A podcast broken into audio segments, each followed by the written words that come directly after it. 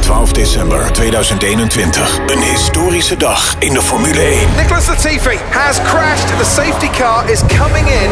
Hamilton sees him coming. Verstappen, the championship is going Dutch for the first time ever. Dit seizoen wordt nog spannender. Nog sneller. Nog intenser. En er is één race die je moet beleven op het circuit.